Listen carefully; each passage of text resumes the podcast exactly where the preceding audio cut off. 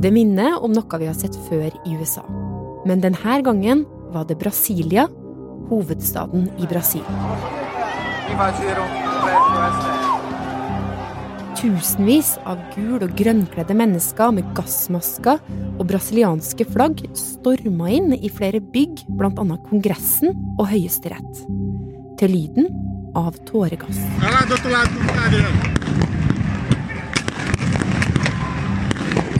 På sosiale medier legger de ut videoer og bilder fra innsida.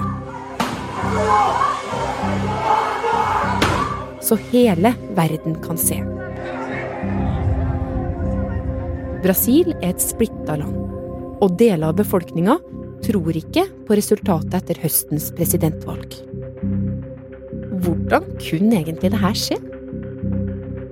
Vel, Bolsonaro er ett stikkord, men de som leter etter svar, finner også mistenkelige spor langt utenfor Brasils grenser. Get out and vote for President Bolsonaro. He's doing the job like few people could. Thank you very much.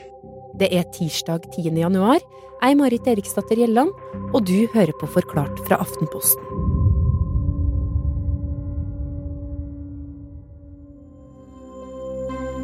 De aller fleste trodde at faren for opprør i Brasil var over. Eh, landet har jo fått en ny president for ei uke siden. Men plutselig så begynte det å rulle inn bilder på sosiale medier. da.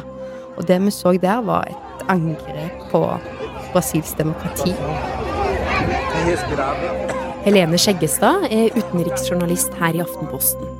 Tusenvis av mennesker brøt seg inn i, i hjertet av Brasils demokrati. Eh, kongressen, høyesterett, presidentpalasset.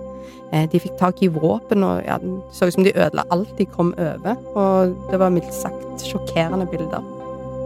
Så er det jo òg noe vi har sett før, for det minner jo på mange måter om det som skjedde i USA. as thousands of supporters of President Trump stormed the US Capitol building, venting their anger at the victory of Joe Biden. Thousands storming the Capitol after a rally with President Trump, during which he urged them to march on the Capitol. Ikke bare selve angrepet, men òg alt som har skjedd i forkant, egentlig. For dette har jo vært en varsla katastrofe som de som følger med på Brasil, har venta på. Og mannen som er kilden til dette kaoset, er Jair Bolsonaro.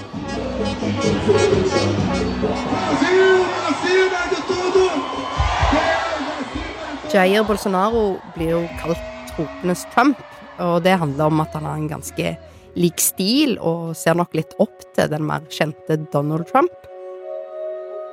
Men Bolsonaro han er litt yngre, 67 år. Og han styrte Brasil gjennom korona, ei krise han uten noe særlig tiltak, og som førte til at hundretusener av mennesker døde. Samtidig har han stadig skapt overskrifter med uttalelser som at han heller ville dø enn å ha en homofil sønn, og at døtre er en svakhet. Til stor jubel for enkelte brasilianere, og frustrasjon for andre. Og da det nå i høst var duka for presidentvalg i landet, var det mange som lurte på om Bolsonaro fortsatt hadde grepet om flertallet i befolkninga. The election over and Luis Inacio Lula da Silva is president once more. Ikke helt, skulle det vise seg. Mr. Bolsonaro becomes the first sitting president in Brazil ever to lose.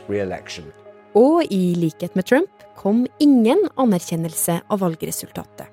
I stedet reiste Bolsonaro av sted til, ja, Florida. Der er han helt trygg og langt unna mulige anklager og etterforskninger som kan komme.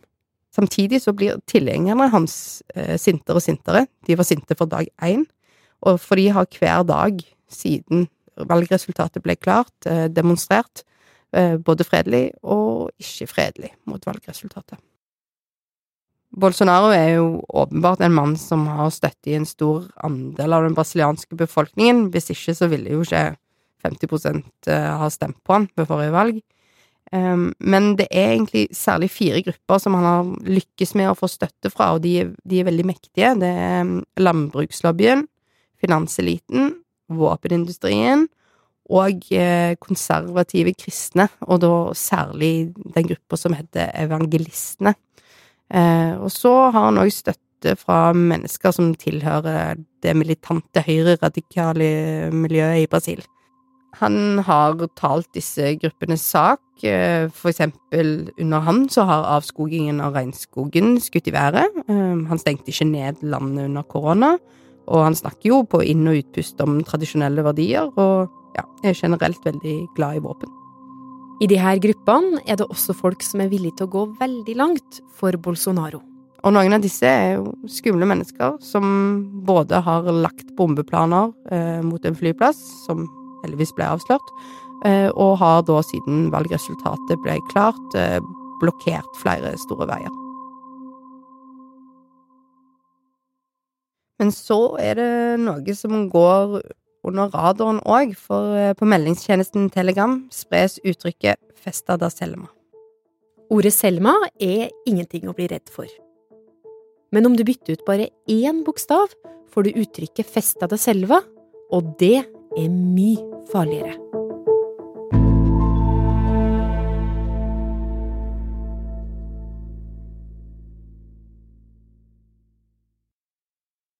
Nå på nyåret kan et lite blikk på enkelte brasilianske kontoer i sosiale medier gjøre enhver med litt portugisiskkunnskap bekymra.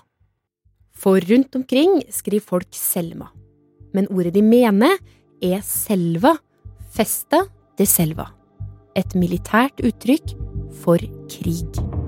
I tillegg blir det lagt ut dato, tid og ruter for en såkalt frihetsmarsj i landets hovedstad. Busser blir lasta med folk fra ulike delstater og kjørt til Brasilia. Og på søndag strømmer de altså ut i gatene og begynner å gå mot tre viktige bygg. Presidentpalasset, Høyesterett og Kongressen. På sosiale medier kan hele verden se storminga minutt for minutt. Det ser ut som et gult og grønt tog som bølger framover. De fleste har kledd seg i Brasils farger, som òg er et symbol på at du støtter Bolsonaro. Denne folkemengden marsjerer da ganske langt, fem-seks kilometer, inn til presidentpalasset, Høyesterett og Kongressen i Brasil. Og mens de gjør dette, så har de med seg eh, slag, De roper slagord, har med seg plakater. Og det er veldig sånn Nesten litt sånn amper stemning innad i, i dette folketoget. Eh, men de får marsjere hele veien inn, og det får de gjøre uten at politiet griper inn. De bare passer på trafikken. Eh, så bryter de sikkerhets... installasjonene, da sikkerhetsgjerdene, og bryter seg fram helt til bygningene, og tar da gjerder og ja, holdt på å si pinner og steiner og alt de kan finne, og begynner da å slå inn dører og eh, vinduer. Mens de da roper slagord og, og er tydelig veldig sinte.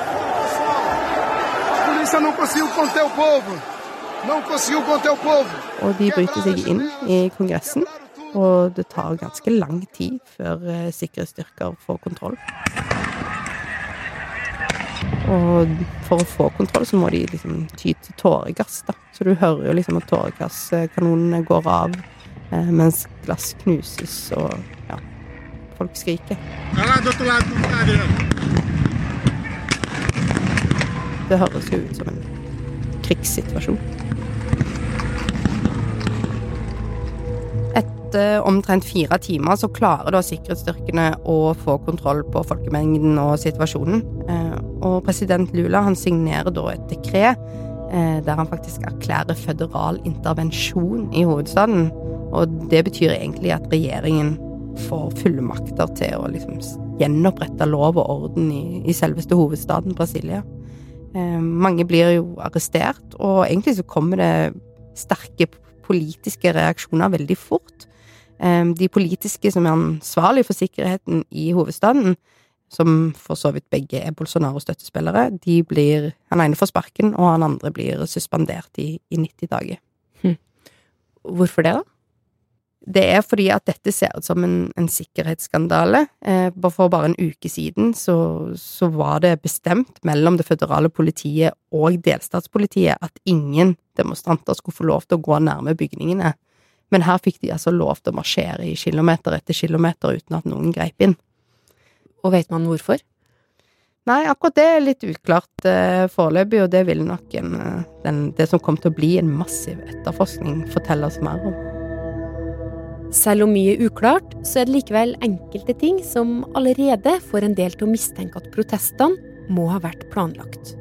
Altså, det har jo fremdeles per nå har det ikke kommet noen rapporter eller meldinger om konkrete personer som kan stå bak organiseringen, men mange internasjonale medier skriver at det, var mange høyreradikale som deltok. Eh, og så begynner jo spekulasjonen å gå, da, for noen må jo f.eks. ha betalt for alle disse bussene som frakta tusenvis av mennesker inn til Brasilia. Det er jo ikke gratis, det. I tillegg dukker det opp en gigantisk plakat i Folkehavet med et budskap som kanskje kan gi en pekepinn på hvem som står bak.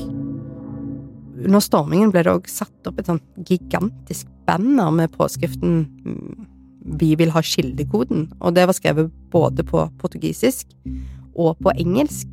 Vi vil ha kildekoden. Ja, altså det er en referanse til Bolsonaro-leirens påstand om at stemmemaskinene var hacka. Eh, men det folk lurer på, er jo hvorfor står dette på engelsk i Brasil? Og allerede så har undersøkende journalister og forskere begynt å se på sammenhengen mellom organiseringen av denne stormingen og den som skjedde 6. januar i USA. Og her er det jo fremdeles veldig mye vi ikke vet. eh, Og ja, vi vil nok få vite enda mer etter hvert som, som etterforskningen setter i gang for fullt. Ok, men det man lurer på er om det er en sammenheng, altså om det er noen av de samme menneskene som kan stå bak de to opptøyene? Ja, kanskje ikke samme personer, men kanskje samme miljø. Og så er det jo eh, tidligere kjent at Steve Bannon, som var jo Trumps sjefstrateg, at han har hatt mye med Bolsonaro sin administrasjon å gjøre, blant annet sønnen hans. Så her kommer nok folk til å se etter, etter sammenhenger, og om det er noen ja, overlapp i de to ganske så like hendelsene, da. Men hovedpersonen her, altså Bolsonaro, han sitter jo i huset sitt i Florida mens alt det her har skjedd. Hva sier han nå, da? Vi vet at han har sendt ut per nå eh, tre små meldinger. Eh, han tar avstand fra denne vandalismen, som han sier, men så prøver han òg å, å legge skylda på venstresida i landet, og at man ikke må glemme hva de har stått bak, og, og sånn tidligere. Så jo, altså han gjør jo stort sett som forventa, og egentlig ja, litt etter modell fra ekspresident og forbilde Donald Trump. Ja, og i USA så ble det jo kjemperabalder som pågår fortsatt, altså to år etter kongressstorminga der. Hvordan blir det i Brasil nå, da? Det som er sikkert, er at dette kommer til å bli håndtert som en sikkerhetsskandale, og det vil komme en massiv etterforskning. Eh, og disse demonstrantene har jo, sånn som i USA, tatt selfie av seg sjøl og, og, publisert hvor de har vært og hva de har gjort, eh, så det skulle være nok å ta av for etterforskerne. Men det er liksom på det ene konkrete nivået. Men hvis man ja, løfter blikket litt da, og ser utviklingen under ett i Brasil, så er det jo dette et slags sånn klimaks, dessverre et, et foreløpig klimaks, da, av en voksende polarisering som har pågått over lang tid, eh, og der folk i Brasil er stadig mer usikre på hva som er sant. Eh, man har ikke samme virkelighetsforståelse av hva som foregår i landet. Og president Lula han har jo i utgangspunktet en ganske formidabel oppgave i å ja, stanse avskogingen av Amazonas, bekjempe fattigdom og forsøke å skape økonomisk vekst. Men den kanskje aller største oppgaven hans blir jo likevel å prøve å samle og forene dette enorme landet. Um, så er det jo lov å håpe at han lykkes, da, for det er jo selve det brasilianske demokratiet som ligger i potten.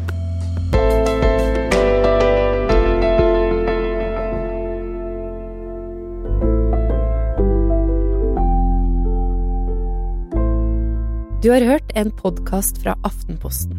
Helene Skjeggestad fortalte deg om teoriene bak storminga i Brasil. Lyden var fra nyhetsbyrået AP, Wyan, BBC, ABC, Twitter-kontoene John Scott Railton, David Adler og BNO News, og Instagrammen til Bolsonaro. Episoden var laga av Jenny Føland, Synne Søhol og meg, Marit Eriksdatter Gjelland, og resten av Forklart er David Vekoni, Anne Lindholm, Philip A. Johannesborg og Anders Weberg. Sanne? Ja, Therese? min kollega i Aftenposten. Ja. Endelig skal vi få lage lyd. ja, nå skal vi gjøre noe gøy. Men hva skal vi snakke om? Jeg tror du vet hva vi skal snakke om. vi, vi skal snakke om realitystjerner, TikTok-mat, Hollywood-rettssaker, influenserdrama, moteskandaler, TV-seriene folk bare sier at du må se, men må du egentlig det? Vi skal rett og slett snakke om de viktigste sakene fra populærkulturens verden. Og internett.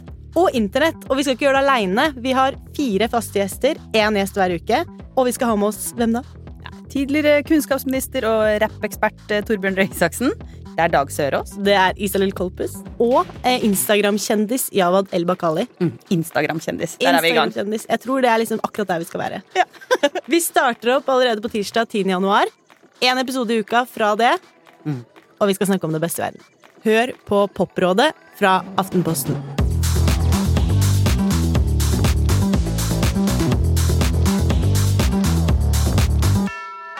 Det var en start på noe. Kjempebra.